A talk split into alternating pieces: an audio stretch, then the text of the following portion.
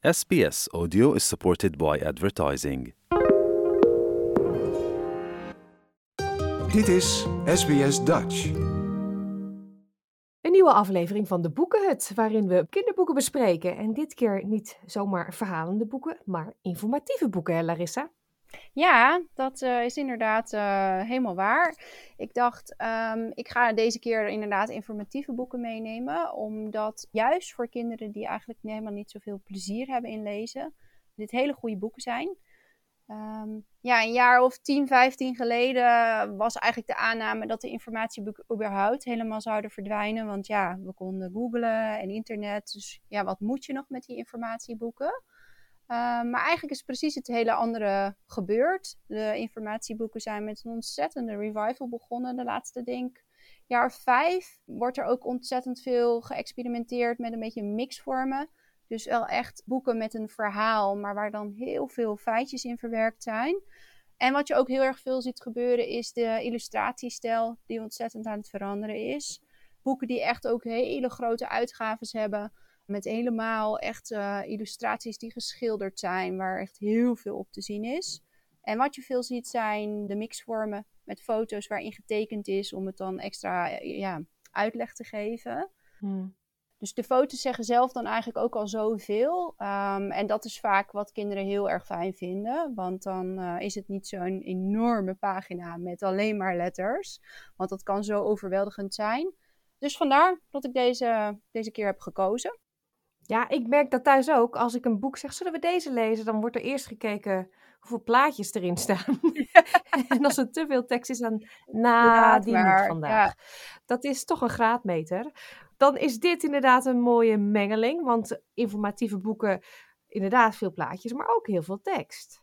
Ja, en de tekst die er dan in staat, die staat meestal boordevol met woorden die niet zo vaak voorkomen. Dus als kinderen dan geïnspireerd raken door het plaatje en toch willen weten hoe het in elkaar zit, lezen ze stiekem gewoon uh, heel veel niet vaak voorkomende woorden. Dus moeten ze er eigenlijk harder voor lezen. Maar omdat ze die tekeningen er dan bij hebben, hebben ze dat eigenlijk helemaal niet door. Dus dat is um, ja, eigenlijk heel mooi meegenomen. Ja, inderdaad. Twee vliegen in één klap dan. Uh, Dat eerste boek wat je wil bespreken, um, ja, Nederlands trots toch wel een beetje. En over een thema wat de laatste week eigenlijk weer heel actueel is. Door een nieuwe telescoop die hele mooie foto's maakt van het heelal. Want ja, we gaan het over de ruimte hebben. Ja, zeker. Het eerste boek wat ik heb uitgekozen heeft ook een beetje voor mij privé een extra dingetje erbij. Want mijn oudste dochter is eigenlijk al vanaf dat ze kleuter is helemaal gek van alles wat met de ruimte te maken heeft. Uh, dus ik heb gekozen voor het boek Kun je gamen in de ruimte? En dat zijn 101 vragen aan uh, de Nederlandse astronaut André Kuipers. Hij heeft meerdere boeken uitgegeven. Dat is allemaal in samenwerking met Sander Koenen. Hij heeft het niet zelf geschreven. De ehm, boeken waar jij ook over vertelde die jullie thuis hebben, dat zijn echt verhalende boeken. Maar dit is echt een informatieboek. Eigenlijk hoe het boek in elkaar zit, is dat er gewoon, nou ja, 101 vragen zijn. En eigenlijk wordt elke vraag ongeveer op één pagina beantwoord. Ze zijn onderverdeeld in verschillende soorten vragen. Dus er is een stuk dat gaat allemaal over raketten en weer een stuk dat gaat over ruimtereizen. En er staan heel veel foto's en uitlegdingen in. Dus dat is een hele mooie instap. En het fijne daaraan is dat je ze eigenlijk ook kriskras door elkaar kan lezen. Je hoeft niet van A tot Z het boek te lezen. En het nodigt heel erg uit om het samen te lezen. Bijvoorbeeld jij de ene bladzijde en je zoon of je dochter de andere bladzijde. En het voelt daardoor heel behapbaar. Hmm. Ik neem aan dat je deze ook met je dochter getest hebt. Ja, zeker. Ja. ja, zij vindt het ook heerlijk om. En ik krijg dan ook allemaal van die weetjes dat ik dan zelf denk: oh, dat wist ik ook niet. Zo heb ik laatst geleerd dat we bijvoorbeeld maar één kant van de maan zien. Want de maan draait niet meer rond. Uh, die schommelt alleen nog een beetje. ah.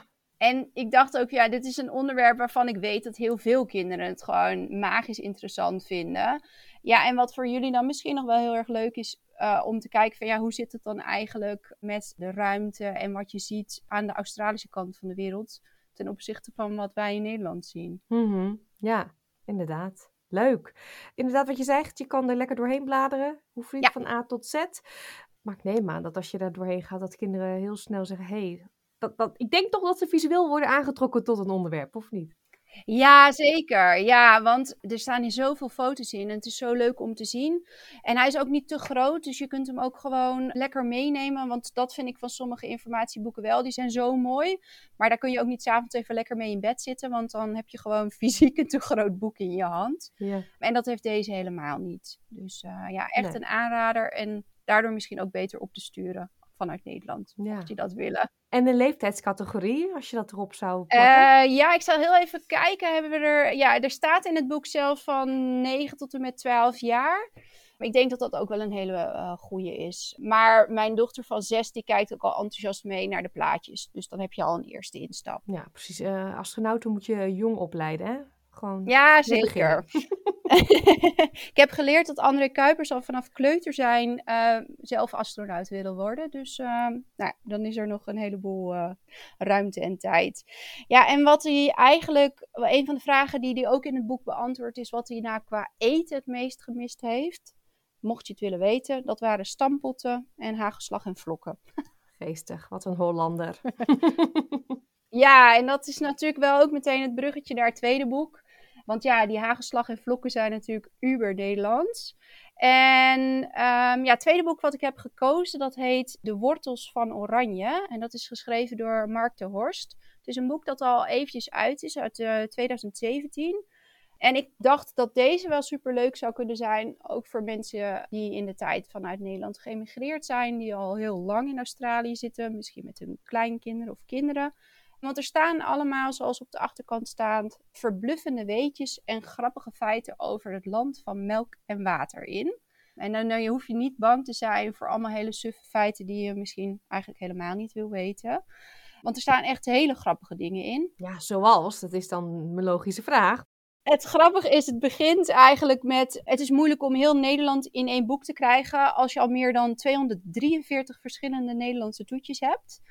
Maar het gaat dus niet over Nederlandse koningen en koninginnen. Dat staat echt letterlijk in het boek. Geen dijkdoorbraken of overstromingen. Niet alle gewonnen WK van het voetbal, want het zijn er te weinig, staat er dan ook bij. En ook niet de bezienswaardigheden. Maar in dit boek gaat het gewoon over een heleboel uiteenlopende dingen. Er staan, nou ja, waar we het al eerder over hebben, ook hele grappige illustraties in. Met die mixvorm van foto's en tekeningen. En het is ook elke keer weer één stuk tekst op de linkerbladzijde en een grote tekening of een illustratie op de rechterbladzijde.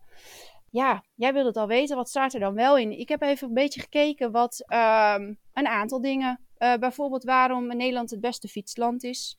Wat een teen in het schaatsmuseum doet. Hoe je sluizen als wapen kan gebruiken. Wandelende eilanden. En nog veel meer. En ik dacht dat het een leuke afsluiter was om een stukje uit een hoofdstuk voor te lezen. Wat dan weer met wat André Kuipers dus heel erg gemist heeft in de ruimte te maken heeft. En dat zijn um, alle dingen die je in de Nederlandse supermarkt kan vinden. Ben benieuwd. Um, ik lees een stukje voor uit het midden van het hoofdstuk. Het gaat dus, het begint met wat je dus in Nederland in de supermarkt kan vinden. En dat die niet zo groot zijn als de meeste supermarkten in bijvoorbeeld Australië of uh, de Verenigde Staten ook vooral. We hebben ook heel veel kleine supermarkten. Het gaat een stukje over al die toetjes die er dus zijn. En daarna gaan we verder. Als je doorloopt in de supermarkt kom je bij nog een ander wonderlijk schap. Naast de potjes jam, honing en hazelnootpasta zie je hier allemaal andere potten met zoetigheid om op je boterham te smeren. Witte chocopasta, speculaaspasta, pindakaas met en zonder stukjes noot.